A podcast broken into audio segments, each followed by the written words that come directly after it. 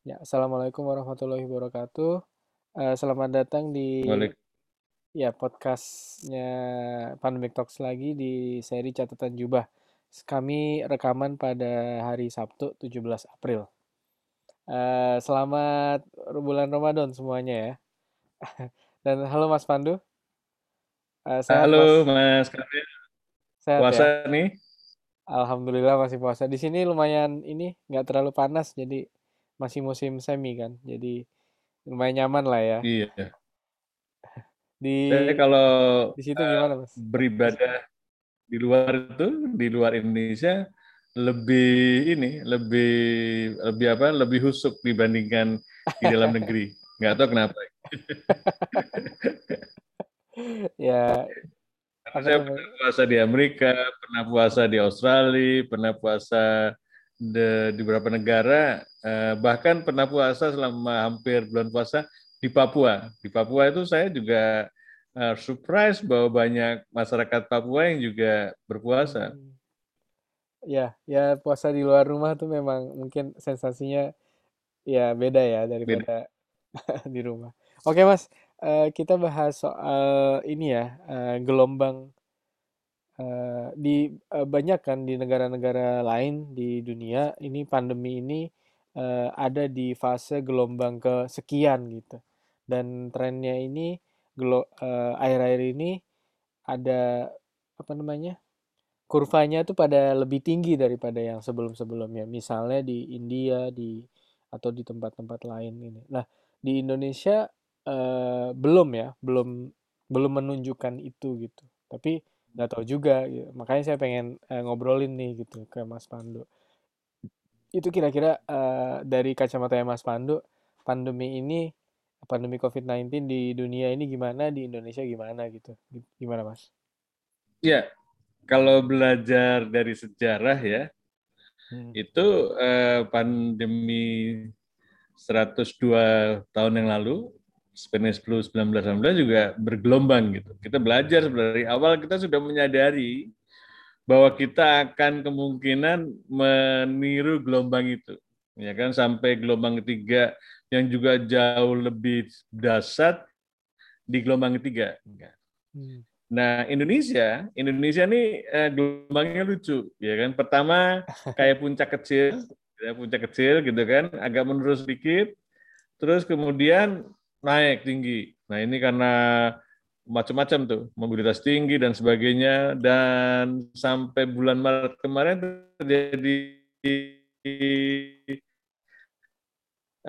eh, penurunan sampai bulan apa nih? Misalnya Gembauri gitu kan mengatasi pandemi gitu kan. Di, di India gitu. India yang wah sukses.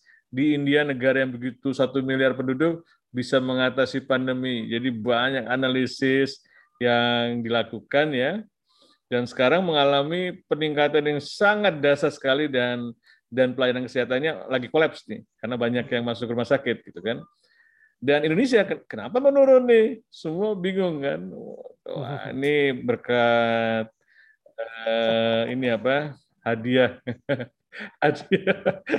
Orang itu kalau uh, ada suatu peristiwa kadang-kadang dikaitkan dengan yang sangat mistik gitu. Iya, spiritual. Ya, kalau saya sebagai epidemiolog, iya, ya mungkin Tuhan memberi cobaan juga kepada kita, ya kan? Ini kan bulan cobaan, ya dan kita nggak pernah lulus ya kan nggak pernah lulus karena setiap tahun harus ngulangi lagi gitu jadi ngulangi lagi diuji coba lagi di retraining lagi diulang di reboot ya kan kayak komputer di reboot supaya nggak hang gitu kan karena apa karena eh, ini terjadi hal yang sama kalau lihat kurva penduduk yang 3M dengan penurunan ini itu sangat rendah yang patuh untuk uh, melakukan 3M. Kalau saya keluar gitu jalan gitu kan, hmm. uh, yang pakai masker itu wah udah udah orang udah nggak peduli. Jalan macet tuh udah seperti uh, seperti nggak ada pandemi gitu kan.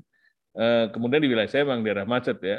Dan jadi menyaksikan uh, kembalinya uh, suasana sebelum pandemi. Dan yang yang terbukti dari statistik kalau statistiknya cukup akurat, kalau DKI cukup akurat ya, itu memang kita lihat testingnya walaupun meningkat, tetapi eh, kasusnya yang terkonfirmasi memang menurun, ya menurun sehingga yang masuk rumah sakit atlet tuh rumah ruang isolasi sebenarnya bukan rumah sakit, yang masuk ruang isolasi di wisma atlet itu menurun sehingga dokternya pada nakesnya pada liburan ke Ancol. ya kita lihat tuh bagaimana mereka liburan ke Ancol eh, berwisata karena nggak ada pasien lagi, nggak ada pasien gitu kan. Hmm. Itu satu bukti aja bahwa memang betul menurun. Dan rumah sakit juga sudah di bawah 50 persen ICU-nya kapasitasnya menurun karena COVID. Dan kematian juga menurun ya. Jadi petugas pemakaman juga eh, harus eh, menyiapkan liang lahat yang sampai banyak sampai jauh malam eh, karena harus dikuburkan dengan cepat. Ini memang keajaiban, ya kan keajaiban yang juga terjadi di India. Kenapa bisa terjadi kayak gitu? Teori saya mengatakan bahwa uh, strain virus itu lagi gantian, lagi lagi safe gitu. Karena yang lama itu, yang tipe lama gitu kan, sudah mulai pelan-pelan digantikan dengan virus baru, ya virus hmm. baru yang lebih segar, tentu yang kita sebut sebagai mutasi virus. Hmm. Ya mutasi virus B117 dan yang tapi masih karena masih dalam safe gitu ya, pergantiannya belum cukup banyak, belum sampai level dominasi B117 itu cukup tinggi, belum mencapai di lambang sehingga terjadi peningkatan, ya kita lihat masih menurun. Jadi masa shifting nih. Shifting dari eh, jenis-jenis virus yang lama dengan old virus change to new virus. Yes, yes. Kalau orang muda, kalau udah orang baru, ya kan kalau jaga orang muda itu lebih kuat. Tidak heran virusnya itu uh, akan peningkatan kurvanya itu jauh lebih tinggi. Jadi yang yang sudah terbukti terkonfirmasi beberapa minggu ini, beberapa hari ini, analisisnya dan juga analisis genome sequencing yang beredar, memang di India itu B117-nya sudah mendominasi. Hmm. Sehingga kita bisa menjelaskan, jadi peningkatan gelombang di India itu terjadi karena dominasi virusnya sudah sudah dilampaui atau sudah dicapai oleh new virus tadi yang punya energi lebih banyak, yang punya kemampuan daya tular lebih banyak sehingga kecepatan penularan lebih tinggi dan lebih ini lebih cepat dan lebih tinggi. Hmm. Kita bisa terjadi, bisa terjadi karena polanya sama. Kita sudah punya 107, kita belum tahu bagaimana eh, kan baru masuk bulan Januari lah gitu kan. Mungkin hmm. habis lebaran, nah kita akan dapat hadiah lebaran nih mungkin. Apalagi hmm. dengan adanya mobilitas penduduk, atau aktivitas penduduk meningkat itu sehingga membantu, penularan, ya. penularan meningkat ya menjadi dominasi.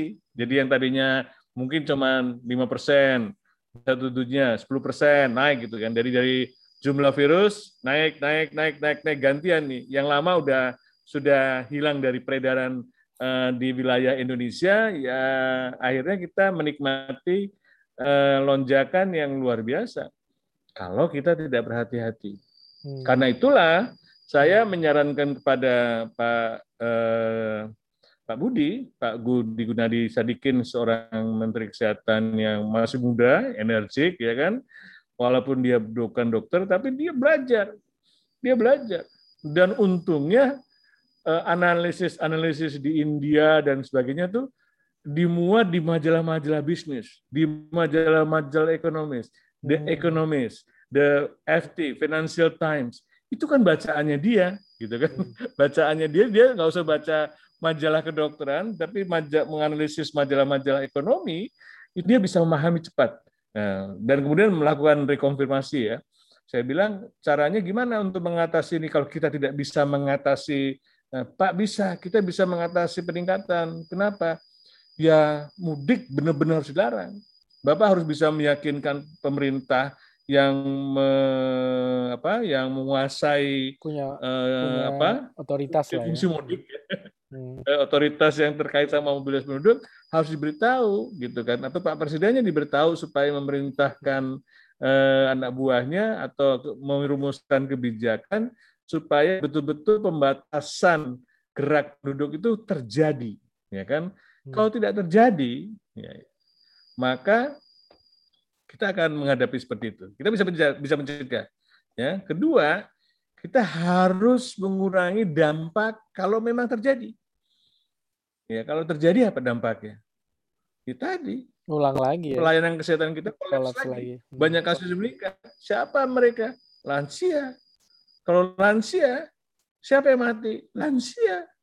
Ya udah, fokus dengan sisa vaksin yang sekarang, lansia only. This is lansia only. Vaksin for lansia only. Yang lainnya tunggu. Tunggu untuk guru, tunggu. Tunda proses belajar mengajar. Kita belum siap juga gitu kan.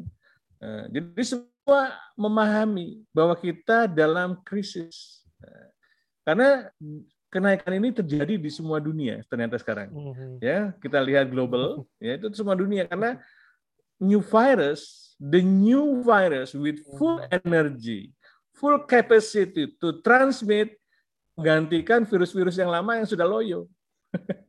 nah, ini yang jadi tantangan menjadi bertambah sulit kesulitan berikutnya adalah uh, itu uh, vaksinasi yang kita harapkan apakah masih mampu, hmm. ya kan?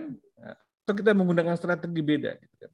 Tapi vaksin yang Sinovac uh, ini sekarang luar biasa loh. Saya mengamati data di Jakarta, Mas. Hmm, bener. Itu kan ya? efektivitasnya kena 70-80 persen ya, menurut di Bandung. Hmm. 80 persen lah, atau 70 persen lebih diberikan pada nakes. Di nakes itu di Jakarta tuh hampir 100% mas yang menerima suntikan kedua. Yang sekian persen itu karena uh, tidak bisa divaksinasi benar-benar karena komorbid. Karena komorbid. Yang tapi lainnya yang tua, yang lansia, komorbid yang istilahnya bisa kalau di, apa, populasi di, populasi nakes udah lumayan herd immunity kan istilahnya. Iya, dan itu terjadi penurunan, Mas. Yes, setuju, setuju. Uh, kematian ya. uh, nakes juga benar-benar uh, masih ada tapi uh, nggak nggak melonjak kayak beberapa bulan lalu sebelum vaksin. Betul. Ya, jadi mereka yang bergejala kemudian di testing, ya ada nakes yang bergejala di testing, datanya di Jakarta cukup lengkap, itu juga menurun. Hmm. Nah, terus saya nggak percaya, saya nggak percaya, karena di DKI kita membuat eksperimental, ya kan, jadi waktu itu saya bilang kita harus buktikan secara evidence ini untuk meyakinkan pemerintah. Gimana? Saya punya ide supaya lansia di Jakarta menjadi prioritas tinggi. Hmm. Ya kalau Pak Gubernurnya mau, eh, saya akan mendukung, kata Pak Budi Gunadi. Terus saya hubungi Pak Anies, Mas, kita harus prioritas lansia nih Mas. Gitu kan. Terus saya jelaskan secara epidemiologi dan beliau tuh memahami. Oke, kalau Pak Menteri Kesehatan mendukung, kita akan berusaha semaksimal mungkin, ya kan? Jadi jadi tergantung yang menyediakan vaksin, yang menyediakan vaksin bilang tergantung yang punya daerah. Nah, sekarang udah terjadi nih. Jadi peningkatan penduduk pada lansia cukup tinggi, paling tinggi di Indonesia. Terus saya melihat tren kematian, Mas, itu memang total menurun. Tetapi total kematian menurun jauh lebih besar penurunannya pada lansia. Itu jadi eh, Jakarta ya. Jadi hmm. sebenarnya Jakarta, Jakarta loh, Jakarta only ini. Ya, ya, ya. ya tapi kan ini uh, masih belum solid datanya ya. Ya, ya representatif lah lumayan Jadi, untuk populasi. Ini sudah tidaknya memberi indikasi, yes. memberi indikasi kepada Pak Presiden ya dan hmm. Pak Presiden mohon untuk mengganti strategi ya kan atau memfokuskan untuk lansia di semua wilayah Indonesia dulu. Ya, karena itu akan memberikan efek psikologis yang besar terhadap bangsa ketika rumah sakitnya tidak penuh dengan orang sakit COVID. Atau pemakamannya tidak hari tiap hari kita mendengar orang kematian karena COVID.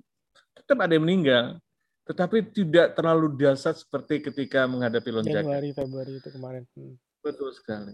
Itu kan akumulatif dari bulan Desember ada pilkada, liburan panjang, ada. Natal, ada tahun baru gitu kan. Itu benar-benar bulan yang penuh apa godaan. Hmm. Desember tuh setiap tahun tuh bulan penuh godaan. Bencana, ah macam-macam. Ya kan udah mulai ada bencana kan biasanya. Kemudian bencananya terjadi pada bulan Februari, Januari, Februari gitu. Ini yang mendorong saya, Mas, supaya kita sebagai negara hmm. di awal pandemi tahun pertama kita agak aja kita ada bodoh lah. Ya, bodoh, saya bodoh, bodoh gagap, hmm, macam-macam. gagap, saya loh, saya di, hmm. ya kan, karena nggak berhasil membujuk pemegang kekuasaan untuk mengambil kebijakan yang akurat. Itu bukan kegagalan presiden, kegagalan saya atau kegagalan para epidemiolog ya gitu tidak cukup kuat untuk untuk menyatakan ini loh pak yang harus kita lakukan ini loh kan pengetahuan kita punya tetapi nggak dipakai ya kan? Karena eh, ada pikiran lain mas itu wah nggak mungkin pandemi itu cuma tiga bulan atau enam bulan gitu kan? Eh, itu terjadi mas saya baru tahu ya baru tahu ada staff dok PhD lulusan Amerika yang tadinya membantu pemerintah untuk itu dan sehingga pada tahun lalu itu terjadi insentif pariwisata besar-besaran jor-joran karena mereka berasumsi pandemi akan selesai dalam waktu enam bulan. Hmm. Bahkan insentif itulah yang mendorong pandemi semakin meningkat, gitu kan? Akhirnya dia berhenti. Dia berhenti, Mas. Berhenti dan cerita sama saya. Dia mau belajar sama saya karena dia waktu itu pikirannya juga termaks apa terpan ini terpancing dengan ekonomi saja dan dia nggak sadar walaupun dia mempelajari ekonomi kesehatan dia nggak sadar bahwa bahwa antara ekonomi dan kesehatan memang betul. Memang intervene ya intervene kayak gini nih. Nggak bisa dipisahkan. Ya kan? Jadi kalau nggak bisa dipisahkan tidak bisa harus harus diatasi dulu pandeminya. Akar masalahnya apa? Pandemi hmm. ekonominya. Saya bilang nggak ada negara yang yang hancur kok berantakan karena melakukan lockdown waktu itu kan ya, istilahnya. Jadi gitu mas. Jadi eh, ini uh, analisis yang uh, bisa benar ya kan karena dari segi teoritis dan pengalaman empiris dan dan saya mempelajari sehari-hari analisis-analisis orang juga dan ini menurut saya sih uh, bisa menjelaskan lah kira-kira 70% daripada fenomena kenapa India yang begitu turun, kemudian naik lagi, juga Brasil. Brasil itu kan karena ada varian P1. Yes. Ya kan P1 meningkat. Jadi kalau nggak ada varian P1 eh, tidak akan terjadi gitu. Sekarang di Amerika juga mulai meningkat walaupun vaksinasi sudah berhasil. Karena the new variants ya. Mungkin angka kematiannya dan angka yang masuk rumah sakitnya menurun, ya hmm. kan? Tapi kasus tetap tinggi gitu karena uh, dia bisa escape dari fungsi imunitas kita hmm. yang distimulasi hmm. oleh jatuhnya uh, sama aja ya Mas ya? vaksinasi. ya. Maksudnya hmm. uh, kalau varian baru itu lebih menular walaupun gejalanya lebih ringan ke manusia, jatuhnya sama aja kan karena lebih banyak orang yang kena kan. Jadinya uh, istilahnya kalau yang dulu kena 10 orang yang sakit dua orang, sekarang hmm. yang kena 100 orang, yang sakit 20 20 orang kan Mas yang iya. sakit sampai itu. Jadi jadinya lebih banyak gitu, malah uh, iya. sama aja gitu. Kalau uh, jadi kuncinya memang uh, penerapan ini ya, krisis ini kan penerapan protokol-protokol di krisis uh, Iya, dan dan ini. saya juga ingin mengkoreksi konsep herd immunity. Yes, gimana? Herd immunity itu mitos tidak mungkin tercapai. Jadi jangan harus mikirkan herd immunity, herd immunity kita hmm. harus memvaksinasi 170 juta. Sesimpel itu untuk mengatasi pandemi, vaksinasi 170 juta akan terjadi herd immunity. Come on, think, think with your brain gitu kan. Lebih ke ini nggak sih ya, mas? Vaksin gitu. vaksinasi ini lebih ke tujuannya menekan kematian gitu kan, yang bisa Betul, mencegah kematian. kematian dan menekan morbiditas. Dan ini konsepnya populasi kan mas, bukan orang-orang kita Betul. doang gitu. Jadi eh, Betul. prioritasnya konsepnya harus dipikirin secara holistik gitu. Bukan Betul, bukan kelompok kita harus diselamatkan dulu apa? Kayak kadang-kadang gitu kan namanya yang uh, ada problematika iya. vaksin mandiri atau vaksin uh, program-program iya. vaksinasi yang itu rada vaksin mandiri gitu. self tapi udah ada kok sekarang mas tenang tenang nah, gimana, sudah ada vaksin mandiri di rumah sakit eh, RSPAD Nusantara tapi. Ya, tinggal bayar aja sama si apa Terawan. Biar Terawan tambah kaya. Tapi kan yang mampu bayar gitu kan. Yang dicari kan duit. Ya, kita udah bahas itu Iya. eh, bulan lalu tapi nggak terlalu hype ya Mas ya karena eh, Iya, itu nggak terlalu jadi heboh karena apa? eh, Ya karena masih banyak isu-isu lain dan tiba-tiba eh, dipertontonkan kebodohan dari anggota parlemen, dari banyak tokoh tokoh-tokoh publik. terkenal, Iya, iya, ya iya, kan? iya.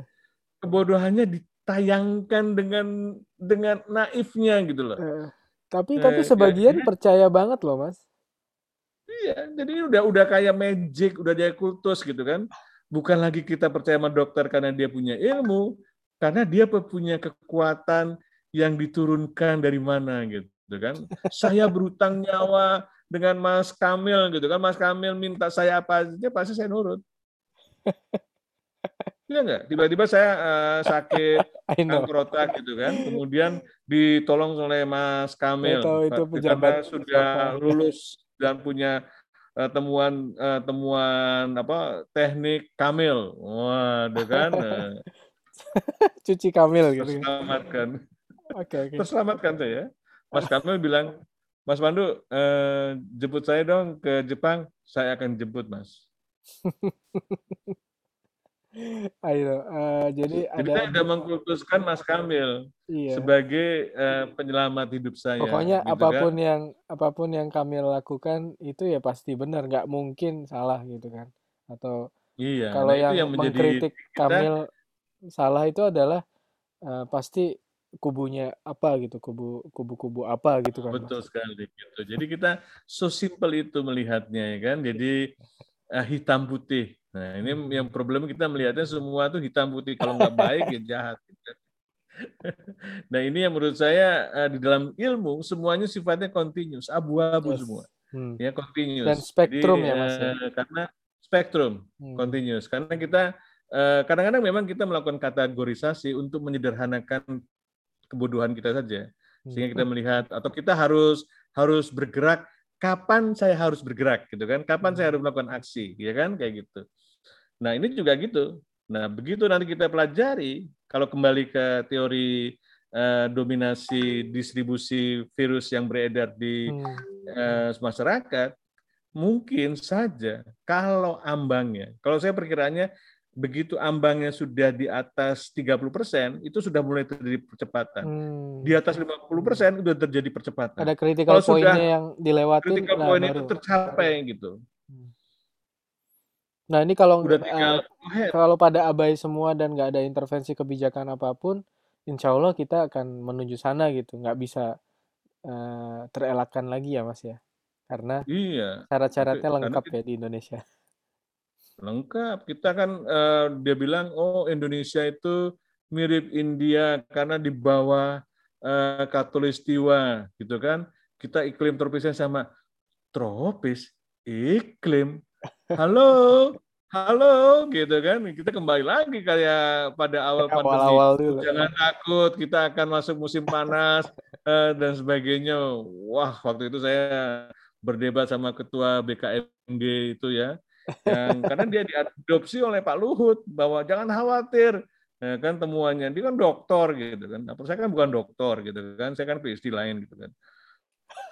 Ya itu. Kalau PhD itu Mas, cuman pizza hut delivery. Iya, iya, iya. Pecah dasi jadi- kalau kata kata teman-teman. Eh, saya bilang kita mirip India bukan karena iklim, Hmm, karena behavior kita sama. hmm. Kita sulit untuk disiplin. Beda sama yang di atas Kalustiwa. Kenapa di Kalustiwa? Nggak tahu kenapa di Jepang lebih disiplin. Di Kenapa Eropa di Thailand Utara, Skandinavia. lebih disiplin. Di Vietnam teman-teman saya tuh lebih disiplin dibandingkan saya. Ya kan? Dia jam 7 tepat, udah di depan pintu. Saya masih eh, Gitu. sisiran di kamar gitu kan. Walaupun cuman beda berapa detik, berapa ini, tapi dia on time, cek gitu. Karena disiplin gitu loh. Jadi udah udah naluri dia itu disiplin. Di Jepang juga teman saya kayak gitu. Ya kan? Dan ini Mas populasi kan itu. istilahnya eh, kebanyakan orang kan. Walaupun di Indonesia pun nggak nggak Iya, semuanya sebagian seperti itu, besar. tapi yang meng- Betul. mempengaruhi wabah ini adalah populasi kan itu itu dia dan jadi populasi itu eh, orang banyak sama dengan politis kan berarti ya politik betul. juga punya Publik, peran penting banget. Mas terakhir ini publik. Mas eh, saya soal tadi vaksin lansia kenapa Oke. di Indonesia eh, lumayan ini ya lumayan sulit gitu tercapai kecepatan yang diharapkan gitu untuk soalnya kan kalau dari data yang ada di Kemenkes itu pun lambat banget gitu itu pun yang eh, ngasih kontribusi besar Jakarta saja gitu kan Mas separuh Eh, jadi di daerah ini asumsinya berdasarkan data itu adalah eh, daerah ini lansia belum belum divaksin gitu, masih kecil banget. Betul kan, Mas? Dan itu eh, satu sisi ada me- menunjukkan permasalahan lain kan, Mas. Jadi di Indonesia ini lansia memang punya karakter yang berbeda dengan lansia-lansia di negara maju misalnya. Misalnya di eh, di UK atau di negara Jep- eh, lan- Jepang kan, Jepang kan eh, kecepatan vaksinnya ke lansia cepet banget nih sama kayak sama kayak tenaga kesehatan. Terus di apalagi di Israel atau di tempat yang sangat keren itu kan. Eh apa namanya? Itu menunjukkan bahwa karakternya beda. Di Indonesia lansia itu eh, mungkin menurut saya ya, eh, itu datanya nggak ada gitu kan, Mas. Maksudnya eh, dan Iya, satu. Satu, itu datanya tidak ter terdata lah istilahnya. Jadi yang eh, lansia yang eh, tinggal di rum- rumah eh, sendi jompo itu berapa atau eh, tinggal di sama keluarganya berapa itu kan belum eh, belum masih skater banget gitu kan. Ikut anak yang mana gitu kan istilahnya. Ka- Kadang-kadang di eh, gitu kan Mas budayanya di Indonesia itu sa- nggak salah juga, cuma memang datanya nggak ada. Yang kedua adalah exposing comorbidity dari eh, kelompok lansia di Indonesia.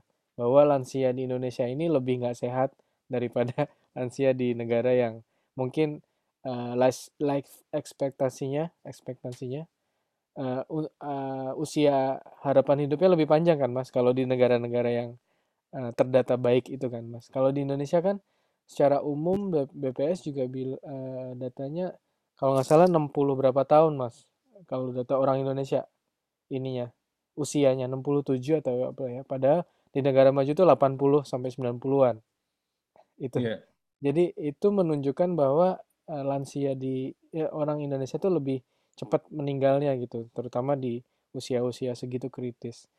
Eh, mungkin hubungannya dengan vaksinasi adalah eh, sebagian bilang bahwa eh, memang sistemnya belum men- belum terlalu mendukung gitu kan, kayak eh, daftarnya harus online, harus dianterin itu kan nggak jelas kan lansia-lansia di Indonesia kan online ya susah lah kalau nggak dibantu orang lain gitu dibantu anak-anaknya atau eh, tapi kan kita nggak tahu lansia itu anak-anaknya gimana gitu ya, jadi lansia itu termasuk kelompok marginal, Mas.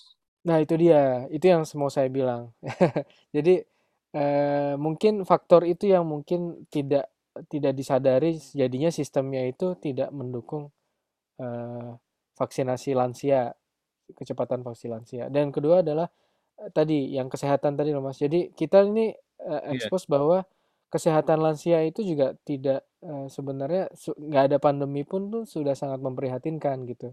Jadi akses betul. kesehatannya belum ke sana, terus pola hidup sehat masyarakat juga belum belum nyampe kan ini maksudnya dari kesehatan masyarakat dari sudut pandang itu ya, dari eh, Iya, pro- promoti promosi kesehatan untuk lansia juga nggak nyampe gitu. Jadinya eh, kematian di Indonesia itu kan sebagian eh, paling besar dikontribusikan sama metabolic syndrome kan, Mas. Penyakit-penyakit yang iya, degeneratif, eh, yang metabolik iya, gitu, kayak stroke, eh, pembuluh darah kan maksudnya, sama eh, diabetes macam-macam. Dan itu juga jadi syarat untuk bisa vaksinasi kan. Kalau eh, ini ini saya nggak ada data sih, Mas. Eh, tapi kayaknya iya, sebagian yang udah datang daftar juga kan eh, akhirnya ditunda vaksinasinya karena punya iya. punya tensi yang tidak terkontrol, punya punya eh, riwayat macam-macam, macam-macam gitulah. Jadi, Iya, itu itu itu ada jadi hmm, dari Itu gimana, segi Mas? orang dok kesehatan pun dokter itu eh, menganggap lansia itu adalah bukan kelompok yang perlu disehatkan. Ya, perlu ya. Kalau kasarannya bukan kelompok yang perlu diselamatkan kan. Ya, ini kelompok sakit ini, ya kan? Jadi asumsinya kayak gitu. Ini Nah, kelompok itu. sakit. Ya, padahal betul mereka kan sudah mengakumulasi puluhan tahun pengalaman baik yang buruk baik yang baik. Hmm. Ya kan? Kalau mereka bertahan sampai di atas 70 tahun atau di atas 60 tahun itu suatu prestasi sebenarnya. Di Ya kan? Indonesia maksudnya. Hmm. Di Indonesia, ya kan? Apalagi dengan sebagian besar perokok, ya kan? Yes. Itu tidak bisa dihindari, ya kan? Tiga Perokok dari lima orang di Indonesia perokok. Betul. Kalau kita lihat di lansia jauh lebih tinggi, Mas. Hmm. Kita kan fokusnya perokok muda, perokok remaja. Coba lansia. Memang lansia itu termarginalkan Ah, dari sistem kesehatan termarginalkan, ya kan? Dari sistem eh, perekonomian sosial politik termarginalkan, dari sistem human life, human life index itu ter, ter- ini kan dianggap usia non produktif. Bayangin hmm, stigmanya itu sampai istilah ini orang ini cuma tidak produktif. numpang hidup. Tapi apa yang terjadi? Iya. Mereka bisa produktif tapi menitipkan anaknya ke bapak ibunya. Hmm. Itu salah satu kan. Iya, Seperti iya, iya. kita banyak menganggap seorang perempuan ibu rumah tangga itu nggak punya nilai ekonomi karena dia nggak Padahal, bekerja. padahal Kalau menjalani rumah tangga. bekerja, kalau dikonversikan dengan uang, berapa moneter yang harus kita bayar kalau istrinya harus bekerja, ya kan? Yang ngurusin rumah, ngurusin anak dan Hmm. sebagainya. Karena semuanya dilihatnya dengan cash, bukan Hmm. dengan value. Nah, itu dia tuh. Itu sistem cara berpikir ekonomi kita dan ekonomi kita yang memang duiti, duiti orang no duit ya bukan ekonomi, nggak produktif. Karena Itu, itu. itulah Nah, saya mengecam keras Hmm. gitu ya pada saat KPC PEN pada saat Kementerian Koordinasi Perekonomian membuat rencana vaksin untuk pemulihan ekonomi apa the nggak ada of lansia sama sekali. Nggak ada. Itu Nggak ada lansia sama sekali. nah, Gila peringkat tuh. keberapa gitu? Ke lima apa Hmm. enam gitu. Terakhir kan lansia. Iya, dia bilang untuk ekonomi lansia is not important. Come on. Ya kan? Itu cara berpikir yang goblok banget tuh menurut saya.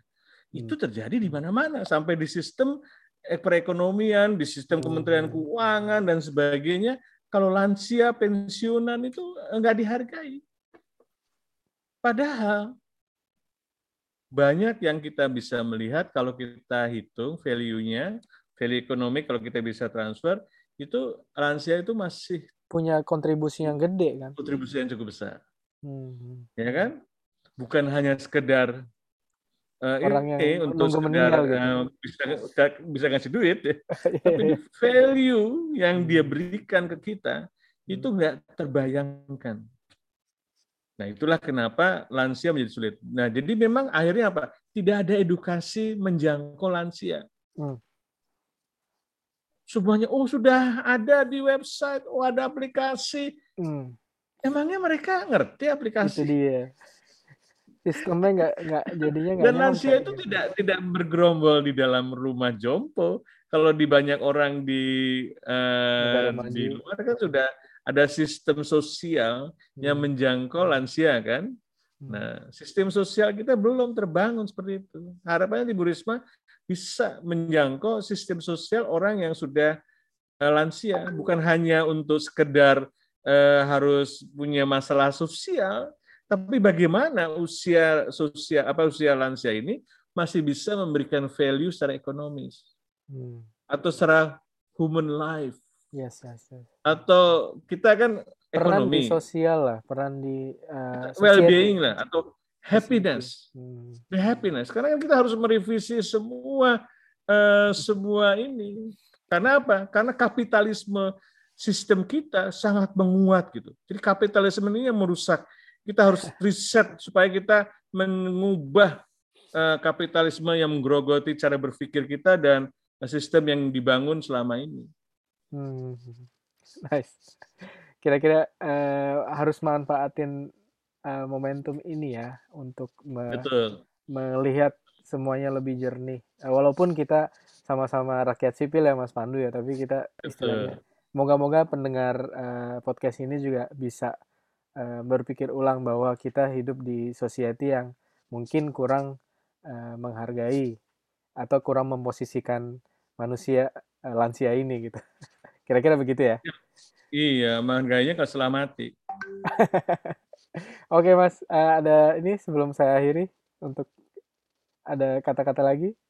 Oke, jadi eh, tantangan kita adalah pandemi ini hmm. kalau kita sikapnya seperti sekarang, cara berpikirnya sampai sekarang, ributnya hanya untuk vaksin yang nggak ada manfaatnya, ributnya setengah mati, ya kan? Kita sudah punya vaksin yang sudah bermanfaat.